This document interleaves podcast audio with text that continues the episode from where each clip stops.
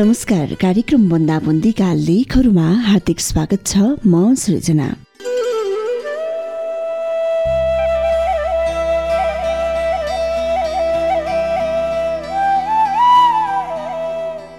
नयाँ ठाउँमा जाँदा त्यस ठाउँका बारेमा अनेकन किम्बदन्तीहरू सुनिन्छन्। ती कुनै किम्बदन्तीहरूले मनमा केही छापहरू छोड्छन् जो मन र मस्तिष्कमा सधैँका लागि अविस्मरणीय भएर रहन्छन्। आजको कार्यक्रम बन्दाबन्दीका लेखहरूमा अर्जुन दाहाल अपवादले लेख्नु भएको दोष शीर्षकको कथा प्रस्तुत गर्दैछु। यसलाई मैले समकालीन साहित्य डट कमबाट साभार गरेको छु।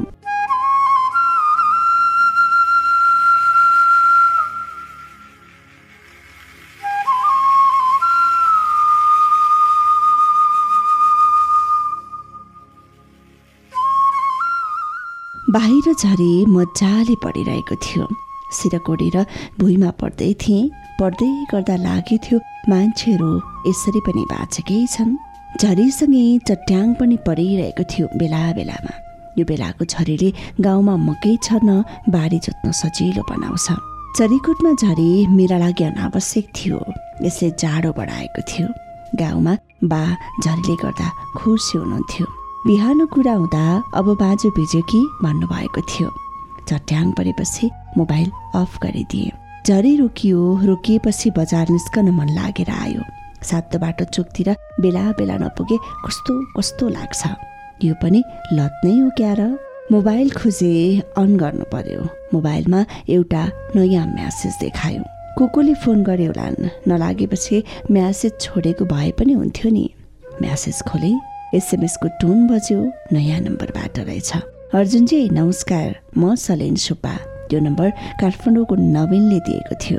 चरीकोट छु मिल्यो भने सँगै चिया खाउँ न फोन फर्काएँ। हामी शुभेक्षा होटलमा छौँ। कता हुनुहुन्छ? चोक निस्कनुहोस् मनी निस्कन्छु। द नर्थ फेसको रातो र कालो ज्याकेट र नाइक क्याप लगाएको हुन्छु। Salin Subba computer engineer. Website तथा सफ्टवेयर निर्माण गर्ने कम्पनीको संस्थापक। नवीनको क्लासमेट दोलोखा आउनुको उद्देश्य सफ्टवेयर र वेबसाइटको बजार बुझ्ने। मिलेसम्म कालिम्पोङ दर्शन गर्ने। बिहानै हामी बाइक चढेर उकालो लाग्यौँ। सरिन बाइकमै आएको रहेछ। देउरालीसम्म पुग्दा गुराँस फुलेर झरिसकेका थिए। कुनै कुनै बोटमा कतै कतै एउटा दुईटा गुराँस थुङ्गा फक्रिरहेका थिए। ढलान प्रविधि प्रयोग गरिएको सडकमा बेलुका परेको पानीले ल्याएको हिरोले उसलाई बाइक चलाउन गाह्रो भइरहेको थियो। एकपटक उसले सोधेको थियो सरलाई बाइक चलाउन आउन्न? मलाई ज्यादै अप्ठ्यारो लाग्यो। बिस्तारै भने सिक्दैछु उसले कुरा बुझ्यो कि बुझेन त्यसपछि बाइकको कुरा गरेन। कुरीमा हामीले चिया खायौँ। पानी परेका कारण हुन सक्छ चरिकोटबाट कुरी पुग्दा दुई घन्टा पुरापुर लाग्यो। बाटो त्यति टाढा त होइन तैपनि। सलिनलाई गजबले टाउको दुखेको रिमा होटलकी साउनीले लेक लागेको बताइन् र लसुन खान भनिन् तातो पानीसँग लसुन खाँदा पनि उनको टाउको दुखाइ घटेन एक घन्टा यसै बित्यो। घाम चिसै थियो। मैले सरिनलाई के गर्ने भनेर सोधेँ। उसले आफू जान नसक्ने बतायो। मलाई नै बेटी चढाइदिन भनेर पैसा दियो। पसलकी साउनीले आफ्नो काम गर्दै हाम्रो कुरा सुनिरहेकी थिइन्। भाइ एक्लै जान लागेको हो? मैले टाउको हल्लाएँ एक्लै त जानुहुन्न माथितिर होटलमा अरू जाने होलान् एक्लै त नजानु नि। उनले यसरी जोड दिन् कि एक्लै गए सबै कुरा बर्बाद हुनेवाला छ। मैले हुन्छ मात्रै भने त्यसपछि म होटलबाट बाहिर निस्किएँ। होटल लाइन सकि नै लाग्दा पनि कोही मानिस कालिन्चोकतिर जान लागेको भेटिएनन्। म होटलहरू छोडेर अलिक मासतिर पुग्दा केही निर्माण सामग्रीहरू थुपारिएका थिए। त्यहाँ काम गर्न लागेको एकजनालाई सोधे केबल कार बन्न लागेको रहेछ। होटलवाले दिदीको कुरा सम्झे। एक्लै त नजानु नि। समूहमा म थुप्रै पटक गएको थिएँ। एक्लै चाहिँ गएको थिइनँ। के नै पो होला र? लुटेराहरू त्यो चिसोमा के बस्थ्यो होलान्? बसेकी भए पनि मसँग लुटिन नै के पो छ र? सलिनको डिएसएलआर क्यामेराबाट फोटो खिच्दै मौकारो लागे। सुन्धारा पुग्नै लाग्दा कुरी बजार गचपले देखियो। पानी परेर खुलेको हुनाले टाढाको क्षतिसम्म गजबले खुलेको थियो। सिन्धुपाल्चोकतर्फ टाढा टाढा गाउँमा जस्ताहरू टल्केका थिए। सुन्धारा नुहाएर मात्रै भगवती दर्शन गर्नुपर्छ भन्थे। सुन्धारा त सुकिसकेको रहेछ। मन्दिर अगाडि भूकम्पले ढालेको पार्टी अझै बनेको रहेनछ। त्यसपछि म भर्याङ चढेर मन्दिरमा पुगेँ। सुरुमै छ सानो कुटी। यसैमा बसेर धेरै वर्ष तपस्या गरेका थिए रे शान्तनन्द बाबाले। चारिकोट झाडेर उनले कोट्युम लगाएको ठाउँको नामै कोट्युम भएको मन्दिरमा चढाइएको सय वर्षभन्दा पुरानो घन्टी फुटेर आधा भएको रहेछ। आज गौरी शङ्कर पनि गच्चपले खुलेको थियो। लाइट मिलाउन नसक्दा फोटो भने जस्तै आएन। फर्केर तल ओह्रालोमा आइपुग्दा केही तन्नेरीहरू लट्ठी टेक्दै उकालो लागिरहेका थिए। देख्न त नजिकै देखिएको थियो तर अझै आउँदैन। केबल कार बन्न लागेको रहेछ। त्यसमा चढेपछि एकैछिनमा पुर्याउला। लामो लामो सास तान्दै हिँडिरहेका मध्ये एउटाले म फर्कदै गरेको देखेर सोध्यो दाई मन्दिर पुग्न अब कति समय लाग्ला? बिस मिनट? अझै त्यत्रो समय? पछिल्लो सवालको जवाफ नदी म ओह्रालो लागेँ। होटलमा भात पाकिसकेछ। सलिनको टाउको दुख्न पनि कम भएछ। बिहान भाँडामा ज्यातवर्षी पुरुष अहिले अघिनो सफा गर्दै रहेछन् उनी साउजी रहेछन् कहाँका साथीहरू भेट्नु भयो त? एक्लै पुगेर आए? एक्लै पुगेर आएको? उनले यसरी भनिन् कि त्यहाँ एक्लै जाँदा मान्छे जिउँदो फर्कदैन। किन एक्लै जान नहुने थियो र? एक्लै त त्यहाँ जानुहुन्न भन्छन्। ए ए। खाना पस्किएपछि सलिनले सोध्यो मन्दिर एक्लै जान किन नहुने रहेछ दिदी? खै धेरै पहिला एक्लै जाँदा त्यहाँ मान्छेको लास भेटिएको थियो अरे एकछिन सन्नाटा छायो। भाँडा माझ्न लागेको साउजीले के भन्यो मैले बुझिनँ। त्यसपछि दिदीले भनेको कुरा पनि मैले बुझिनँ। भाइको दिन बलियो रहेछ। साउजीको कुरापछि मैले थाहा पाएँ अगाडि म मन्दिर एक्लै गएको विषयमा नै कुरा भएको रहेछ। साँच्ची कालिम्चोकमा एक्लै जानुहुन्न भन्दा रहेछ नि त बुवा। खै मलाई थाहा छैन। त्यहाँ लास भेटिएको भनेर नगारे। होटलवालाले त्यही भन्थ्यो म एक्लै जाँदा त उनीहरूले तपाईँको दिन धेरै बलियो रहेछ पो भने त। अघिनाको वरिपरि बसेका थियौँ हामी। रिताले भने कालिम्चोक त कस्तो अप्ठ्यारो ठाउँमा पो रहेछ त। उमेरमा त्यही ठाउँबाट हामीले भारी बोकेका थियौँ बुवाले जवाब फर्काउनु भयो। त्यस्तो भिरको बाटोमा ज्यान मात्रै लान त हम्मे हम्मे भयो जमानामा के के गरियो गरियो अहिले त सपना जस्तै लाग्छ।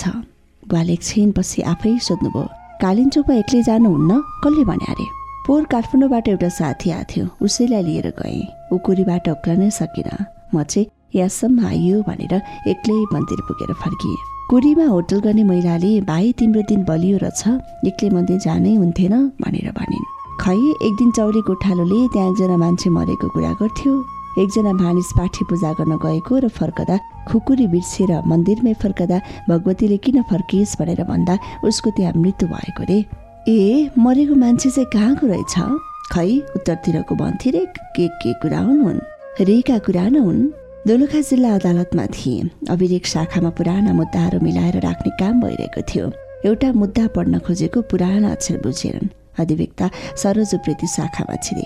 यहाँ अक्षर त बुझिन्नन् केही गरी काम आइहाल्यो भने के गर्ने होला? बुझिनै पर्यो नि उनले छोटो जवाफ फर्काए मुद्दा परेको साल दुई हजार छ। मुद्दा बेजती। ठाउँ बुझिएन। वादी रामबहादुर छेत्री प्रतिवादी अर्केदमै। मिसिलमा फैसला फिरात र प्रत्युत्तर पत्र नामात्रै थियो। नेपाली कागजमा पोको पारिएको मुद्दामा वादीले जितेको थियो। फैसलामा एक ठाउँमा कालिम्चोकमा तेरो जिजुबाले मेरो हजुरबालाई मार्या हो भन्ने लेखिएको थियो। दसकुन गाउँमा थियौँ राज श्रेष्ठ र म। जलविद्युत आयोजनाले स्थानीयमा पारेको प्रभाव पारेको तथ्याङ्कका सङ्कलनका लागि। नब्बे कटिकी तिमिल सिनामै घरमा एक्लै थिइन्। तर सुनकोशी जलविद्युत आयोजनाको ड्याम साइट बिरालो ठाउँमा भएको उनको घरका सदस्यहरू सबै सहरतिर थिए अरे तिमल सिन्हा आमैसँग जलविद्युतका कुरा भएनन् तर पुरानो जमानाका कुरा भए।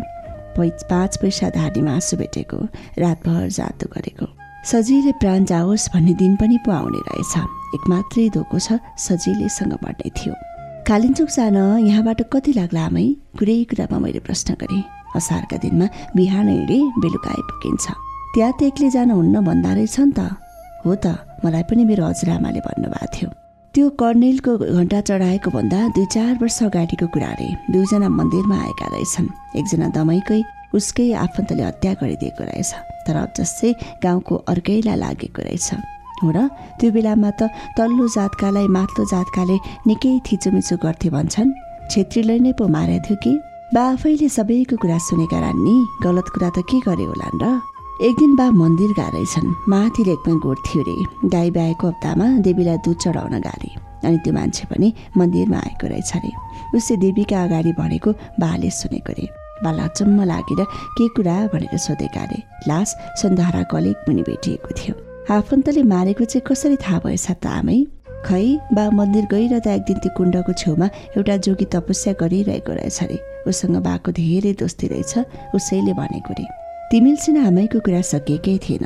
राजको फोन आयो। कहाँ हो? लामो साङ्गो फर्काउनु पर्छ अबेर बोता तिन त बजी पो सकेछ आमा सबै कुरा सुन्न पाइएन। लामो साङ्गो गएर बस्ने कुरा छ आज। साथीले फोन गर्यो म गएँ है। बाबु यतै बसेको भयो नि उनी तर गाँस छोड्नु साथ नछाड्नु भन्छन्। आमैले यति भनेपछि हामी लामो साङ्गोतिर लाग्यौँ। निकै समयपछि धेरै समय बित्दै गएपछि एक दिन राज अनलाइनमा देखा परेको थियो। के गर्दै हो? त्यत्तिकै मैले जवाब फर्काएँ। उसले तिमिल सिन्हा आमैको फोटो पठायो। फोटोसँगै लेख्यो याद छ? किन नहुनु? जवाब फर्काए। केटोले फोटो नै खिच्न भ्या रहेछ। फोटो खिचेको त मलाई याद नै थिएन। किन पठाएको यो फोटो? मैले सोधेँ। केही दिन अघि उहाँ बित्नु भयो उसले जवाब फर्कायो।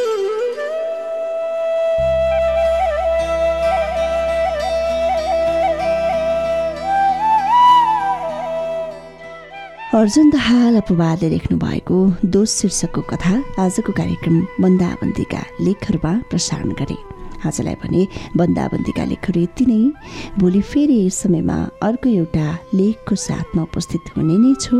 यतिन्जेलसम्म सुनेर साथ दिनुहुने तपाईँ सम्पूर्ण श्रोताहरूलाई विशेष धन्यवाद अनि प्राविधिक मित्र प्रहलादलाई विशेष आभार भन्दै बिदा हुन्छु।